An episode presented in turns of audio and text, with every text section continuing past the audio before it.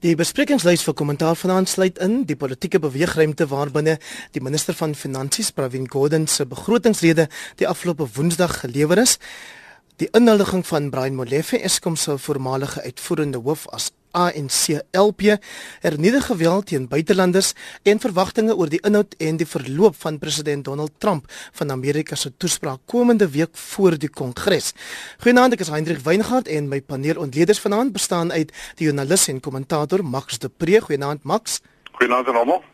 Dan het ek hier in die ateljee saam met my vir Rihanna de Lange, sy's 'n sakeskrywer by Rapport. Hallo Rihanna. Goeienaand Henry.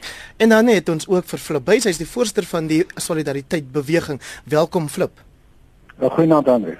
Kollegas, nou ek het verwys na Brian Molefe en daar heers spekulasie nou vir die hele dag dat ons dalk voordat ons bed toe gaan vanaand sal hoor dat hy wel aangestel is as die nuwe adjunk minister van finansies. Ek wonder of ons nie maar sommer daarmee begin nie. Dit is weles waar spekulasie, maar dit loop dik vandag. Max de Pre, wil jy begin? Ja, eh, ons weet nie of dit vandag vanaand gaan gebeur nie. Ons moet hoop dit gebeur nie. Ehm um, maar dit gaan waarskynlik binnekort gebeur as dit nie vanaand gebeur nie. Wat uh, dit is wat gaan gebeur, weet ons ook nie. Wat ons wel weet, ons ons kyk na die tekens. Ons kyk na die tekens die die ANC jeugliga wat nou aan die Zuma kant uh, se propaganda deelneem het vandag gesê Provin Gordon is soos die ou soos die impimpies van die ou dae, die sellouts, die die collaborators. En hy sê julle weet wat ons destyds met hulle gedoen het. Nou ja, ons weet wat hulle gedoen het. Hulle destyds impimpie doodgemaak met die alsnoer metode. So radikale gevaarlike woorde wat gebruik word. Die vroue liga uh van die ANC het dieselfde gesê en gesê die die minister se begroting is heeltemal uitpas uit met die staatsrede van die president. So nou sien ons ook ons kyk na 7 en ons lees en ons hoor die die by Twitter mense en die die die grond word beslis voorberei. Ehm um, dat minstens uh adjunct minister Kobisi Jonas wat ook nou vervolg gaan word lyk like my soos soos Provin Gordon dat hy vervang gaan word dalk met ehm um, Brian Molefe. Maar dit klink vir my amper of hier 'n groter uh kabinetskomming gaan kom want dan moet plek gemaak word ook vir Nkosazana Dlamini Zuma en dit is hoekom ek aanvanklik gedink het die president gaan wag tot einde volgende maand want sy is nog daar bo besig in Afrika om dat oorhandig aan aan haar opvolger. Maar ja, dit lyk beslis daar's 'n man met naam van Sefisa Buthelezi wat uh, laat verlede jaar ook parlement toe gevat is en hy is 'n uh, uh, Zuma vertroueling in die in die, die kommuniste party het destyds gesê hulle weet hy word soontoe gebring om uiteindelik 'n uh, adjunkminister of 'n minister te word waarskynlik ehm um, finansies of of of ekonomiese ontwikkeling. Uh ek dink ons moet almal baie baie senuweeagtig wees dat die president dalk vir Pravin Gordhan en Kobisi Jonas gaan afdank. Ek dink die uh graderingsagentskappe gaan baie vinnig daarop reageer en moenie laat mense jou glo, mense glo wat sê die uh, afgradering gaan nie saak gaan nie verskil maak nie. Dit gaan 'n baie groot verskil maak. Ons sal baie geld moet leen hierdie jaar. Die geld word leen word baie duurder. Die rand is heerlik sterk uh, hier om die 13 rand vir 'n dollar en dit gaan weer opskiet na 16 toe uh, soos destyds toe uh, in Sansanene in die pad gesteek is.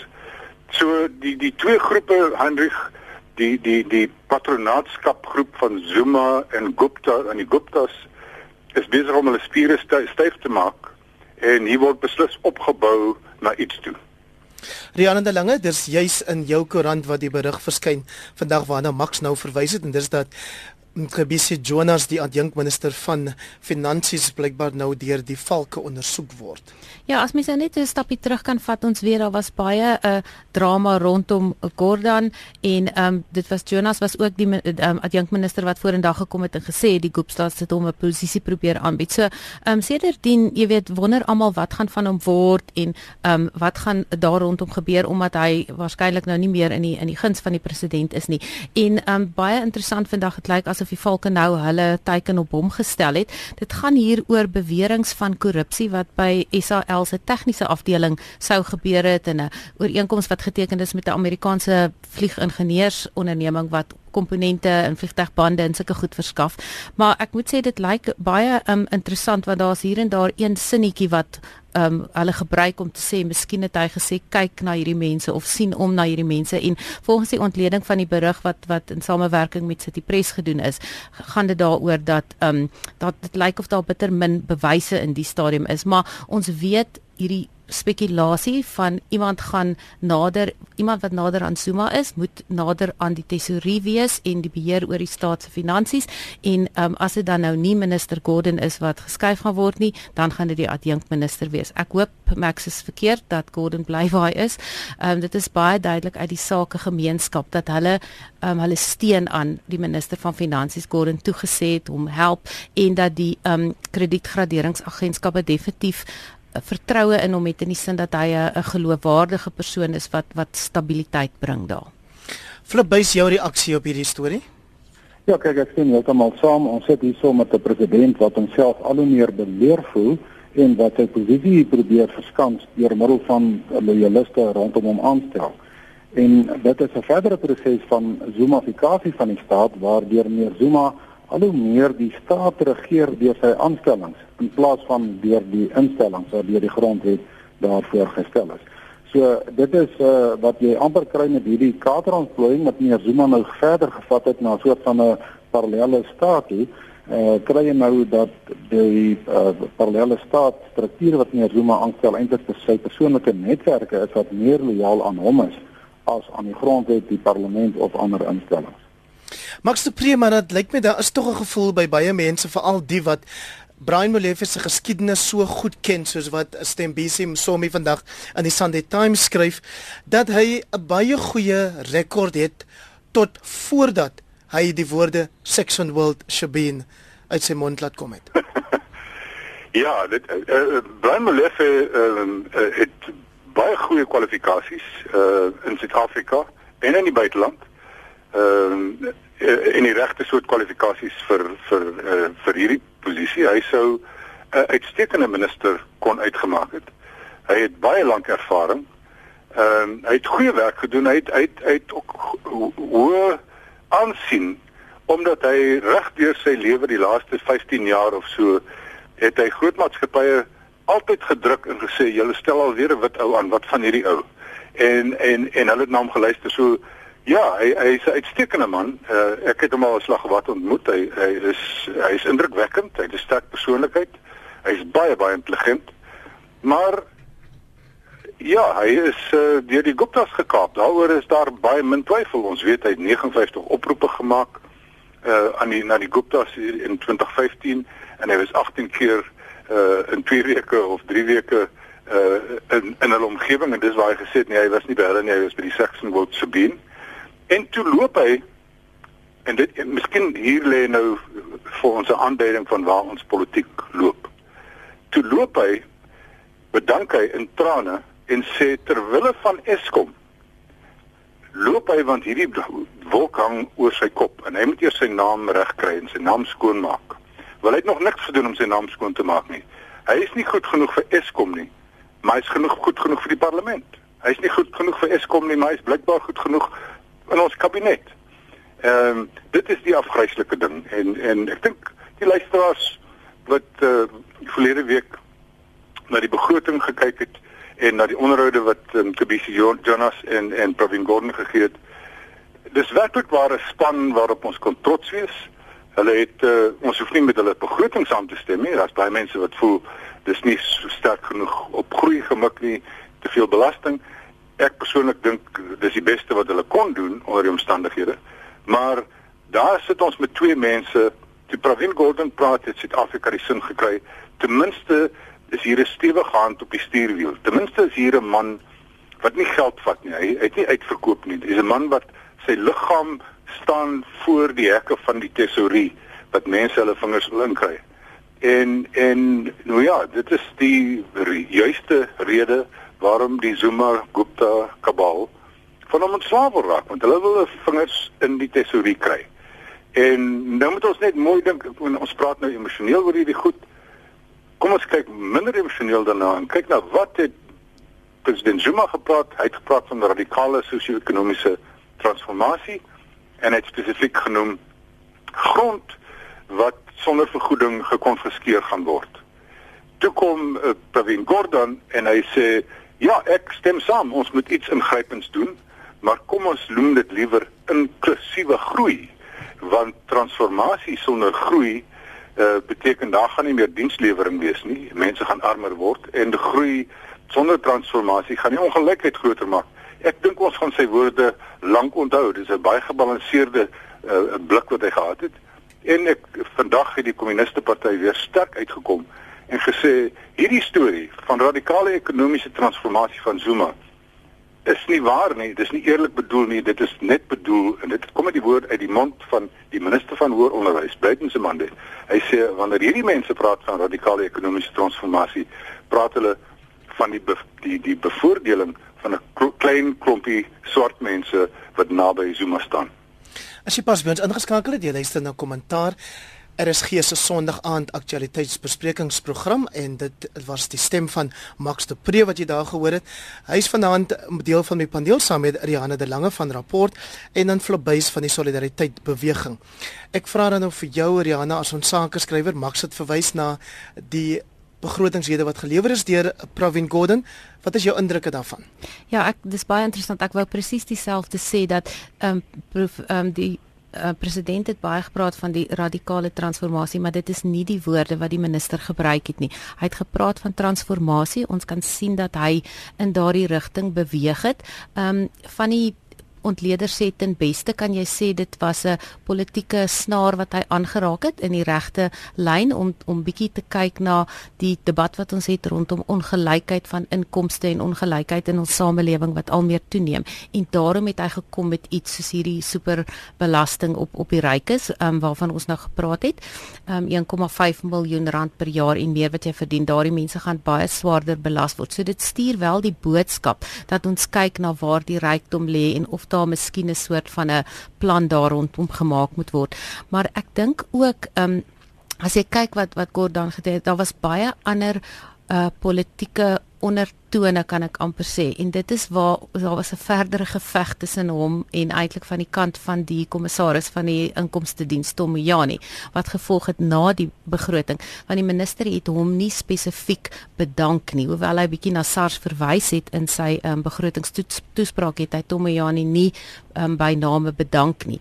En uiteindelik was dit het dit ook later in die week uitgekom ek dink in Mail and Guardian van 'n hele rits briewe um, wat wat tussen die twee verwissel is die kil houding tussen hulle eintlik baie goed bewys het en dat Mojani eintlik half in sy eer gekrenk gevoel het dat die minister gesê het um, die inkomste diens gaan veel minder geld insamel hierdie jaar. Hulle gaan sukkel. Ons het baie meer belastings nodig en uiteindelik ehm um, jy weet het hy half homself probeer verdedig sonder om te sê, okay. Ehm um, ek wil dan ook net sê Mojani het baie mooi teruggekap en gesê, ja, maar ehm um, persoonlike inkomstebelasting het gedaal, BTW inkomste het gedaal, maar dit is so, daar was 'n ekonomiese krisis, dit gaan nie goed nie. Ons het bitter min groei gehad verlede jaar, maar as jy ook kyk, baie van die belastingkenners en konsultante het in die aanloop tot die begroting reeds gesê ons moet besef daar is 'n soort van 'n krisis, daar was 'n geweldige uittog van kundigheid by die ehm um, belastinggaarder se kantoor en ook ehm um, dat jy weet hulle hulle sukkel om te polisieer om mense wat uh die belasting probeer vermy en probeer ontduik. Hulle sukkel om daarby uit te kom. So daar is 'n bietjie van 'n gebrek aan hulpbronne. So ek dink dit ehm um, ja, wat hy wel gesê het is in 'n mate toe te skryf aan die ekonomie maar nie, maar hy het nogal seer gemaak gevoel deur deur Gordon se opmerking. Flabys jou indrukke oor die toespraak wat minister Gordon gelewer het? Ja, in die eerste plek uh, wil ek aansluit by die waardering wat almal uitspreek dat meneer Gordon nog die staatskas, die sleutel van die staatskas baie styf vashou en keer dat ander mense dit dan probeer afvat. Ek dink onderliggend sien ons dat sy posisie baie swakker is en dit weerspieël in sakevertroue wat daartoe lei dat waar die ekonomie 'n potensiaal het om 2,5% of selfs meer te groei, dit uh, is die beste verwagting vir die jaar hierso rondom 1%. Ek dink die onderliggende rede moet mens ook kyk Ons moet ook onthou dat die begroting is nie net 'n resepspraak wat meer word dan die vorige dag of twee geskryf het nie. Dis 'n begroting vloei uit uit die politieke beleid en uit die politieke ideologie van die ANC. Nou, hier's onderliggend moet 'n mens die stryd om idees moet ons sien hier so breedweg tussen 'n meer sosialistiese benadering en 'n meer vrye mark benadering. Uh vrye mark benadering waar die privaat sektor die staatsrol meer sien as die van 'n huishoudster, dis is die uh linkerkant van die regering se benadering waar hulle sien die staatsrol meer die van 'n broodwinner. En nou kry jy 'n situasie dat die staat nie doen wat hulle moet doen nie. Met ander woorde om almal veilig te hou, die land se infrastruktuur reg te hou en so aan, maar hulle probeer doen wat hulle nie kan doen nie. Met ander woorde om regstreeks in te meng in die ekonomie om te probeer werkskep uh, en so meer. Wat my dan herinner aan die ander kant is dat uh, meer Gordon se beloftes van verlede jaar se begrotingsrede, as ek nou reg onthou, die feit dat hy gesê het die openbare ondernemings gaan reggerig word die romslomp of terwyl die redpyp gaan gesny word vir besighede, dan gaan 'n impakstudie gedoen word van elke week voordat wet word en so aan. Daardie beloftes is nie heeltemal nagekom nie. En ons sit met die probleem nou dat die regering omdat hulle nou half met paniekerig is omdat die ekonomie nie groei nie en die arbeidsmark nie groei nie, is besig om die rol van die staat te vergroot en meer en meer in te meng. En dit terwyl die rol van die staat nie behoort te wees om die uh, petrol in die kar te wees. Dit behoort net die olie te wees wat die ratte gladder laat loop. En dan wil ek sê ons moet nie vergeet van professor Janie Rousseau die hoof van Wits se ekonomiese fakulteit wat 'n jaar of twee terug saam met 'n hele span navorsers gesê het dat Suid-Afrika loop die gevaar om van 'n uh, fiskale afgrond af te val. Met ander woorde, hy het gesê 12, 15 jaar in die toekoms kan net die twee begrotingselemente van staatssalarisse en welsyn kan die hele begroting verteer. Nou daai het sedert die net daar goed mense het gesien meer meer Gordon probeer dit verbeter, maar daardie fiskale afgrond lê nog voor ons. Ons kan nie net belasting verhoog nie. Ons moet sny aan die staat se uitgawes. Max se preso verhoog ons dan nou belastings, maar die minister het ook gesê dat ons nou staan by is dit iets soos 50% buitelandse skuld te van ons BBP of gelykstaande aan? Ja, Ja, en dit is vir ons gevaarlik. Uh, dit is geweldig hoog. Ehm uh, mense, sakemense die laaste week het op gewys dat toe Trevor Manuel die, die minister van finansies was, het dit afgekom na onder 25% toe en dis onder Pravin Gordhan wat dit so geklim het. En ek dink dis dalk 'n bietjie onregverdig teenoor hom want uh, hy uh, het na die internasionale ekonomiese krisis oorgeneem. Maar ook die politieke klimaat het geweldig verander. Ons het in in Trevor Manuel se tyd het ons tot 5% gegroei. En verlede jaar het ons maar uh, 0,1 of 0,2% gegroei. Maar dit is 'n gevaarlike ding. Dit is 'n gevaarlike ding in die sin dat die dat die terugbetaling van rente op ons skuld raak die die die die element in ons begroting se grootste groeiende uh, segment. Ehm uh, met ander woorde ons betaal al meer en al meer 'n groot ek dink 11% van ons begroting gaan al net om rente terug te betaal. So dit is 'n gevaarlike ding, maar weet dis hier en hierdie begroting is 'n baie goeie voorbeeld van mense ons kan nie net van die ekonomie praat nie, ons kan nie net van die politiek praat nie. Want die twee werk nou so nou saam. Die die feit dat die ANC uh in 'n oorlog teen homself gewikkel is, affekteer omtrent alles. Ehm uh, en is 'n oorlog wat nie gaan ophou voor die einde van die jaar nie. Uh, Hoopelik gaan dit die einde van die jaar ophou. Hoopelik was dit president Zuma se laaste uh, staatsrede want hy moet vervang word as uh, as president van die ANC in Desember. Nou die groot vraag bly dan gaan hy probeer aanbly as president van die land volgende jaar tot 2019. Uh, ek moet jou sê Heinrich my my antenne sê vir my Hy is besig om grond te verloor binne in sy nasionale uitvoerende komitee en en dat die kanse dat hy weer ons president gaan wees volgende jaar uh, raak al skraler. Ehm um, en ek dink dit is nie 'n vreeslike morele oorweging dink ek by baie mense in die ANC nie. Ek dink mense sit net en kyk na die 2016 plaaslike verkiesing en hoe swak die ANC gevaar het. En as hulle dit dan nou ekstrapoleer na 2019 toe dan gaan hulle dalk verloor en een van die belangrikste redes waarom die ANC so, so swak gevaar het veral in die stede was die teenwoordigheid van president Jacob Zuma.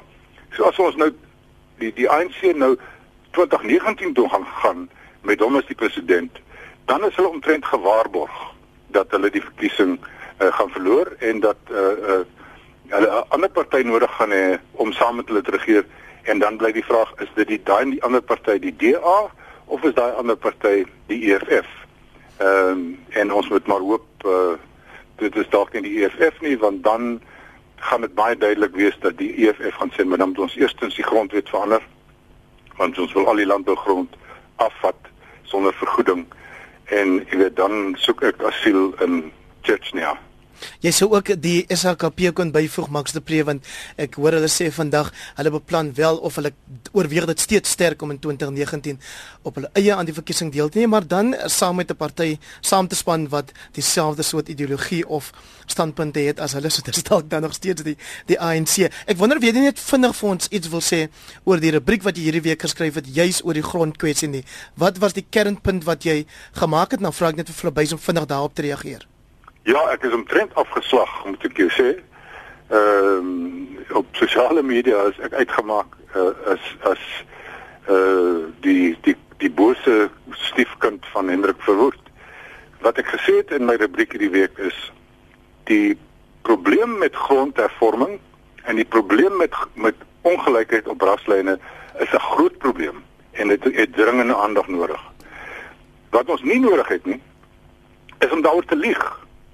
Wat ons nodig het is om die werklike feite te te hê. Die president het net gepraat van die 8 eh, miljoen hektaar van die 82 miljoen hektaar grond wat er, wat wat verander aan verhande verander het en net twee dae later het een van sy ministers in 'n in 'n stuk in die City Press geskryf dat 79% 79% eh, van die grond is nog steeds in wit mense se hande. En ek het net gesê, uh, kom ons maak hierdie sommetjie by die 8 miljoen wat die president sê al klaar oorgedra is, moet ons byvoeg die 15 die 15% van alle grond in die land wat behoort aan aan die tradisionele gebiede, die ou sogenaamde tuislande. Ehm um, ons moet byvoeg al die mense wat grondrestituisie aangebied is, maar net nie wou gehad het nie want hulle bly in die stede. Ons is 2/3 verstedelik. En hulle het gesê hulle wil liewer geld geld hê en ons het meer as 6 miljard rand aan hulle uitbetaal. En daarbey moet nog gevoeg word al die swart mense wat plase op hulle eie gekoop het en swart maatskappye wat plase gekoop het. Ons weet daar's redelik baie.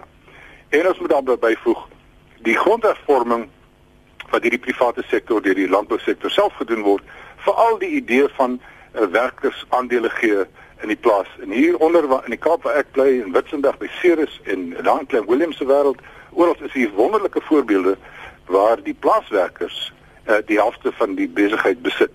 Dit beteken hulle besit die helfte van die plaas. Uh, dit beteken hulle is tot daardie mate gemagtig, bemagtig. Wie waar dit dit is beter om so bemagtig te word as om ergens 'n stuk grond gegee te word om te sê, "Oké, okay, vat julle nou maar julle perdekar gaan sit daar op die grond. Ons gaan julle nie verder help nie." Want dit is die patroon wat ons so ver het. So ek het net gesê, uh, as ek al hierdie goed bymekaar stel, dan is dit baie duidelik dat wit Suid-Afrikaners het minder as 60% van die oppervlak van Suid-Afrika in hulle besit. Flabys nou jy Max de Pre na jou volgende nasionale kongres? Ehm um, nee Hendrik, ek ek dink ek wil graag reageer daarop en dit is uh, nee natuurlik kan ek gerus kom. Ek dink wat ons kyk uh, in genadiglik Suid-Afrika baie ver van 'n Zimbabwe scenario, maar wat ons kry wanneer 'n regering begin steun verloor, wanneer hulle swakker regeer, sterk oppositiepartye kry, gryp hulle baie keer na grond as 'n emosionele saak. Dit is ja. presies wat meneer Mugabe gedoen het. Nou ek sê weer ons is nog uh, baie ver as 'n totale ander land as as Zimbabwe. Maar ek wil op klem lê dat dit dit word nie om uh die mafie redes gedoen deur meneer Zuma nie, dit word gedoen omdat sy magsbasis in 'n groot mate na die platland toe geskuif het. En met die platland, veral nou met die meer tradisionele leiers, is grond nog 'n steeds 'n meer belangrike klem en as mens uh, van Zuma se kant af gesien as jy hulle aan jou kant het dan het jy 'n klomp stemme wat jy dan op kan bank vir die volgende verkiesing.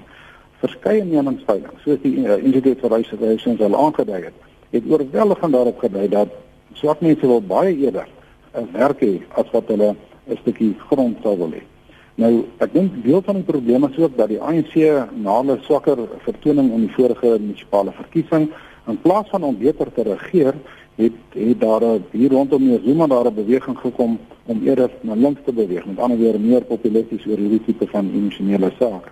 En my afleiding is dis nie dat die ANC nie beter wil regeer nie, hulle kan nie beter regeer nie. En die rede daarvoor is omdat hulle nog nie die oorgang kon maak vanaf 'n uh, bevrydingsbeweging na 'n demokratiese politieke party nie. En dit is reg oor die wêreld het, het dit gewys dat die vereistes wat nodig is om te struggle word lynreg met die vereistes wat nodig is om 'n moderne land te regeer en ek dink dis daai sprong wat die ANC sal moet maak om ons sal bly waar hulle is of nog verder terugsak. Rianne de Lange, ek wil jou vra om net vinnig te reageer as 'n laaste gedagte oor hierdie begroting en eh, die geval Pravin Gordhan en Tom Moyane. Ek sien jy het Tom Modise skryf op Twitter dat dit vir hom verbasend is hoeveel Pravin Gordhan onderskoot kom binne die ANC nadat hy nie homself aangestel het nie en as daar net geen um, jy weet gevolge is vir diegene wat hom so aanval nie. Ek dink Max het juist vroeër verwys na wat die ehm um, die ANC jeugliga gesê het daaroor. Kom ek vra jou die, die kommissaris van die inkomste diens Tomojani het nou die president gevra om in te tree om hierdie verhouding tussen hom en minister Pravin Gordhan te probeer herstel. Het jy enige hoop dat dit wel sal kan gebeur? Ek weet nie werklik wat die wat die doel daarvan is nie want as ek nou regtig sien waarom sal hulle nie kan sit en en praat en die dinge uitsorteer wat daar uit te sorteer is nie. Maar ek dink wat wat vir my eintlik wat al weggesteek was in van die berigte wat ek gesien het is dat Tomojani het eintlik gesê maar waar het hierdie briewe uitgelek? Hoe het dit in die media beland? So dit is deel van daai ewe skielik is Pravin Gordhan weer onderskoot. So die die ehm um, die idee word geskep dat hy die persoon is wat om Mojane te laat sleg lyk like, uh hierdie goed in die media laat uitlek het en dat hy wat Mojane is om toe nou tot die president gewend het maar of daar iets van gaan kom en 'n tussenganger wie sal so iemand wees ek weet nie Kollegas, kom ons praat ook oor die geweld wat ons hierdie week weer gesien het teen buitelanders. Die inwoners van dele van Johannesburg en Pretoria Wes sê veral Nigeriërs is betrokke by dwelmhandel en by prostitusie en daarom wil hulle hierdie buitelanders uit hulle gebiede uit hê. Het ons hier te doen met xenofobie flubbies? Wel ek dink uh, daar's baie beslis ehm, 'n um, belangrike element daarvan wat my baie bekommer is dat Suid-Afrika se beeld lei geweldig skade in die res van Afrika. As mens dan kyk na publikasies wat op Afrika gerig is, dan sien jy dit word baie groot en baie duidelik en baie helder word dit gestel. Ons het ook gesien die week dat daar aanvalle op NTN se kantore in Nigerië was uit vergelding vir aanvalle op Nigeriese burgers hierso. Ons sien baie keer dat die buitelanders wat wel hier is, is baie flikser, hulle is baie ondernemend en uh, wel hulle moet ook ondernemend wees omdat hulle nie maklik op die welsynsstelsel kan kom nie. Baie dryf handel en baie van die werkgewers wil wil eerder hulle mense neem omdat hierdie mense is uh, bereid om te werk. Maar daar's ook 'n ander kant van die saak en dit is omdat hulle onwettig hierso is, is dat 'n groot deel van die ekonomie wat hulle wat hulle bedryf is ook onwettig. Ons sien byvoorbeeld in die in die Kaap en ander plekke waar hulle geweldig baie ehm um, hoor jy beskuldigings dat hulle van nagemaakte ehm um, weet eh, goedere wat hulle verkoop. Ons hoor dat hulle as jy kyk na die afgelope week die 2 3 weke die plaasmoorde dan was by die uh, meer as 3 kwart van die plaasmoorde was daar buitelanders veral Zimbabwe is betrokke.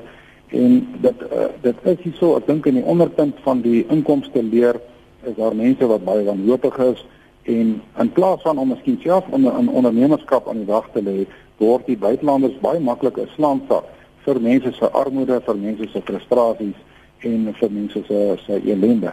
Maar die regering sal moet weet uh, baie minder klem lê op hulle eie faksiegevegte en baie eerder hierdie buitelanders beskerm en dit kan vir ons baie uh, ernstige gevolge op die vasteland van Afrika self hê. Die minister van binnelandse sake Malusi Gigaba het daarom sy gesig op 'n keer of twee gewys Max de Pre. Ja, ek moet sê ek het hom vanaand weer so sit en sit en kyk het. Het sy pad het gegaan. Dis nie 'n man met wie 'n week vir geweldig baie vertroue het nadat hy so droog gemaak het met die uh, met ons toerisme probleem nie. Maar hy het sy kant gebring hierdie keer. Is 'n bietjie laat en en eintlik ek wil sê dit is uh, wat ons gesien het in Pretoria en dit is nare tonele en dit is jammerlike tonele en dit is sleg vir ons almal.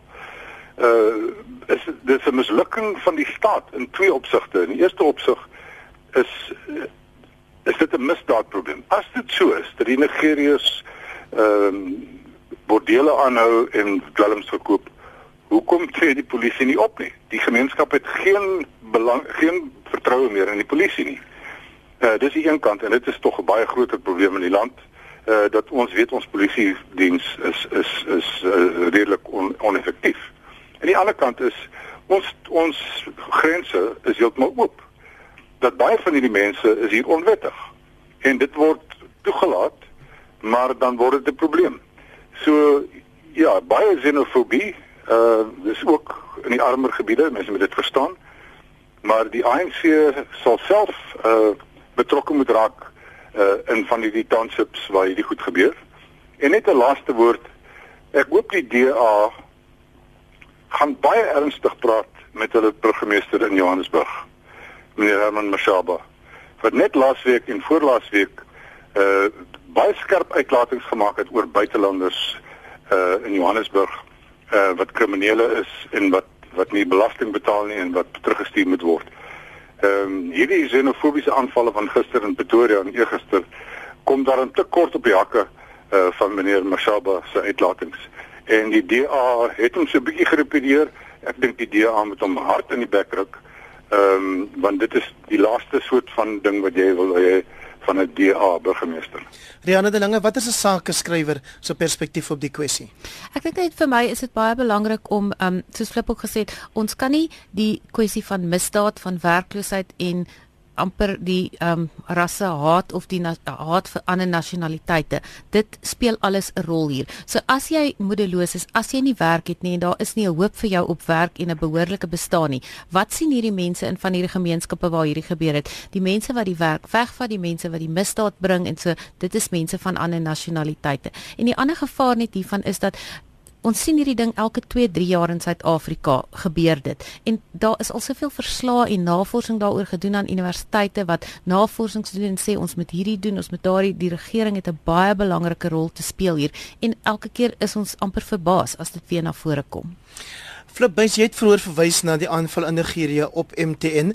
Daar's ook dreigemente van studente in Nigerië dat hulle sal aanhou of dalk die aanvalle sal vererger teen alle Suid-Afrikaners in daardie land as die geweld aan hierdie kant nie ophou nie.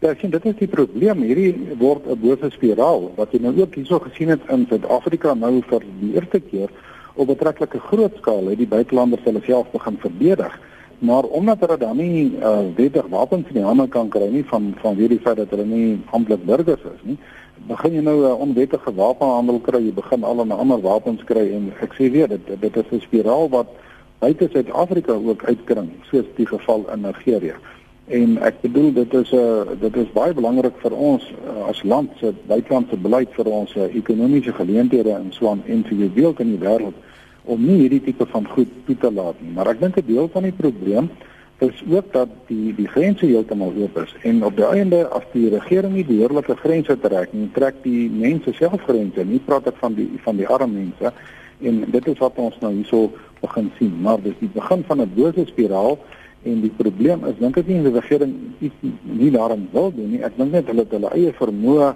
so ondermyn dat die staat so verswak het dat hulle sukkel om iets daaraan te kan doen. En dan het ons nie nog verder of sekere stellings van mense nodig oor die probleem nie. Dit vererger dit net. Max de Pre, as dit vir jou enigstens moontlik is, sê vir my in 10 sekondes waarom dit nie lyk asof die beroep wat president Zuma en ander ANC leiers op Suid-Afrikaanse burgers doen om tegemoetkomend en verwelkomend op te tree teen mense van ander Afrika lande neerslag vind nie. Hulle gesê gewoonlik onthou toe ons in 'n stryd teen apartheid gewikkel was, was dit hierdie lande en hierdie inwoners van daai lande wat ons daar verwelkom het. Uh, basies in 10 sekondes sou ek sê dit is omdat president Zuma en die meeste lede van sy kabinet geen geloofwaardigheid meer het vir die gewone mense nie. Ehm um, hulle het nie die status om op te staan en te sê, "Hey, ek is julle leier, ons is julle leiers. Hier is die pad wat ons moet loop nie." Daai saam met die verswakte staat het daai legitimiteit van van 'n regering en van verkose leiers het, het, het, het ook verdwyn. Flip bys kom ons seker ek dink net daai naïewe tipe stellings van die ANC van vroeër jare dat uh, die hele Afrika van nou dankbaar voor en en dat hulle eintlik die grense in die proses uh, in die praktyk oopgemaak het uh, het tot hierdie probleem aanleiding gegee. Dit is net nie moontlik vir Suid-Afrika om hierdie getalle mense te akkommodeer nie en dit is deel van die probleem. Ek het nog gedink Max de Preet vir my 'n fantastiese brug geskep daartoe hy verwys na 'n verswakte staat want ek wou gesê het kom ons gaan na Amerika asseblief flipbuis ehm um, waar ons president Donald Trump as die nuwe president het. Iemand wat onderskoot is van dag 1 af lyk dit my. En hy gaan hierdie week wat kom sy eerste of een van sy grootste toetse deurgaan. En dit dit is dat hy die kongres vir die eerste keer gaan toespreek. Wat is jou verwagtinge daarvan? Want ek sien die probleem met meneer Trump as met mense van onderskei tussen sy tussen die Trump uh, uh weet sy uitsprake tussen Trump se presidentskap en en en die Trump regering. Wat die uitsprake betref wat hy 'n bietjie dink aan uh, Churchill se uh, sê ding wat hy gesê het dat 'n bepaalde politikus wat baie is meer Trump was, dit is 'n bal wat sy China so heeltyd uh, saam met hom dra. En uh, hy die ongelooflikste en omstrede uitsprake wat mens baie bekommerd maak. Aan die ander kant is die FSA so verdeel, daar's 'n werklikheid feitelike politieke burgeroorlog as jy dit so kan stel, is daar aan die gang en waar die media van weerskant af saamskiet in plaas van net skryf oor wat gebeur. En nou kry jy hierdie totale oppervlakkige ontleding van wat daar aangaan en eintlik 'n hysteriese reaksie op elke ding wat gebeur.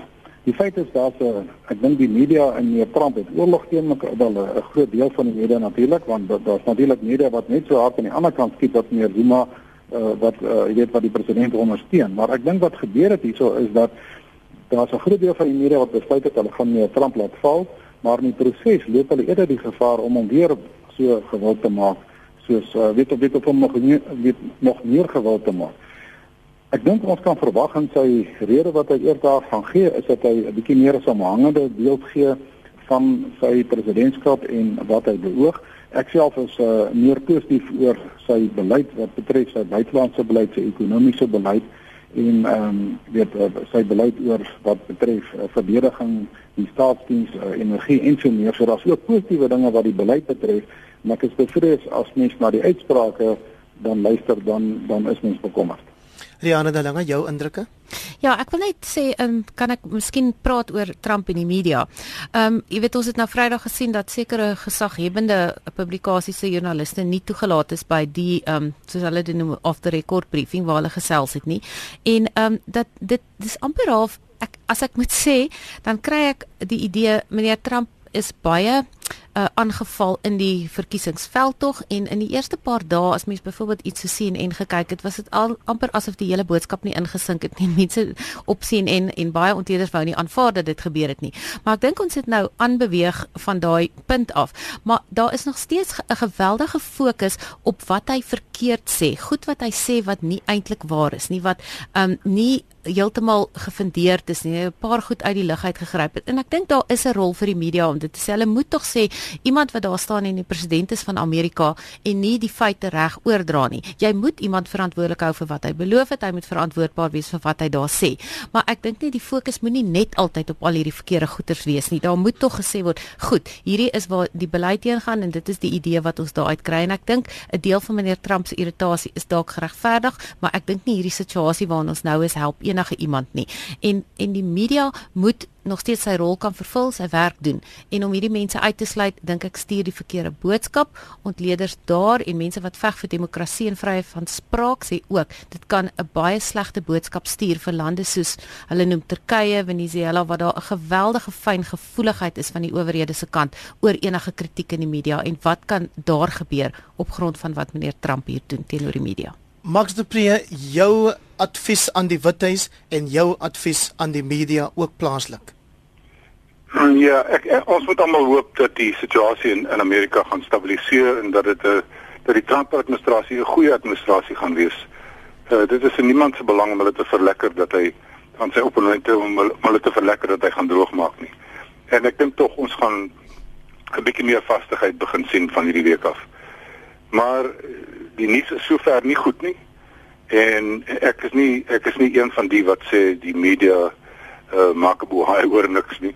Uh as jou president daarom opstaan op 'n perskonferensie en blaatant lieg en 'n verslaggewer moet opstaan en net nadat hy gepraat en gesê maar meneer die president jy het nie verder gewen as enigiemand voor jou voor jou nie en die waarheid is sê 20 jaar laas het iemand uh so sleg soos jy gewen. Hmm. Ehm um, en om die om die media te sê die media is die vyand van die mense van Amerika en om te sê alles uh, wat alle kritiek teen hom is fake news. Uh dan praat ons van die die die gold standard, die goud standaard hier. Ons praat van die New York Times en die Washington Post en CNN en die Los Angeles Times ja. en en die krantes is daai om hulle uit te wil sluit en te sê julle is fake news. Nou ja, uh, dit sê mens iets van die man en ek hoop sy sy nuwe kabinet en sy partye hou hom 'n bietjie in toom want daar kan dalk iets goeds kom ook uit uh, uit sy onkonvensionele manier van goed doen want die konvensionele manier van goed doen het nie baie goed gewerk in Amerika nie. Ek is ongelukkig 'n bietjie uh um eindig in, in die sin van in Suid-Afrika waar ons 'n ongesonde obsessie het met Trump. En dit is 'n dit is 'n uh uh iets waaroor ons op 'n ander keer gaan gesels. Maar wat ek nou wel al sien hier en en uh, Flip se eie kollegas uh Kali Kriel en Ernst Roots het my 'n fake joernalis genoem, het Huffington Post Suid-Afrika fake nuus genoem, het nuus netwerk 24 en fake news genoem, het het news24.com fake news genoem. En daai op die op die op die bandwagon springery dink ek was dom en dit was onverantwoordelik. Dis nie ons beklei hierdie nie. Dis nie ons beklei nie. Uh as ons as ek kyk na watter lande laas het 'n president so oor die media toe te kere gaan, was dit ook ou Chavez in Venezuela wat 'n diktator was. Die volgende ou was president Erdogan van Turkye wat omtrent al sy media nou al verbied het. Hulle dieselfde taal gebruik. Ehm um, ons moet nie in daai in daai ding val nie. En as as ons daai situasie hier wil oorplaas, moet ons sê maar nou moet ons almal vreeslik nice wees met Zuma. Ons moet nie net wys die foute wat hy maak nie. Max de Pre baie dankie as jy ja, nou na jou horlosie kyk sal jy sien dat jy my amptelik met 'n minuut en 20 sekondes in die moeilikheid het, maar ek wil tog vir Flip Buys geleentheid gee om asseblief kortliks vir ons te reageer. Dit is met ja, die nee. vriendelike toestemming hier van kollega Verloots. Ja nee, ek dink mens moet 'n uh, uh, mens kan die situasie nie vergelyk nie. Ek neem dit is daar is media ongelukkig wat blaatant lieg en dan moet mens ook hulle bluf roep. Uh, ek dink wat wat belangrik is dat die media die hand in eie boesem oopsteek en en kyk waar hulle besig is om nuus te rapporteer en waar hulle besig is om hulle eie propaganda as nuus voor te stel. En ek dink dit is baie noodsaaklik dat media uh, ook kyk na hulle eie gesaghebende uh, rapportering en hulle eie geloofwaardigheid. Dan dink ek gaan gaan dit die uh, verhoudinge baie meer ontspan. Baie dankie so kom ons aan die einde van nog 'n aflewering van kommentaar.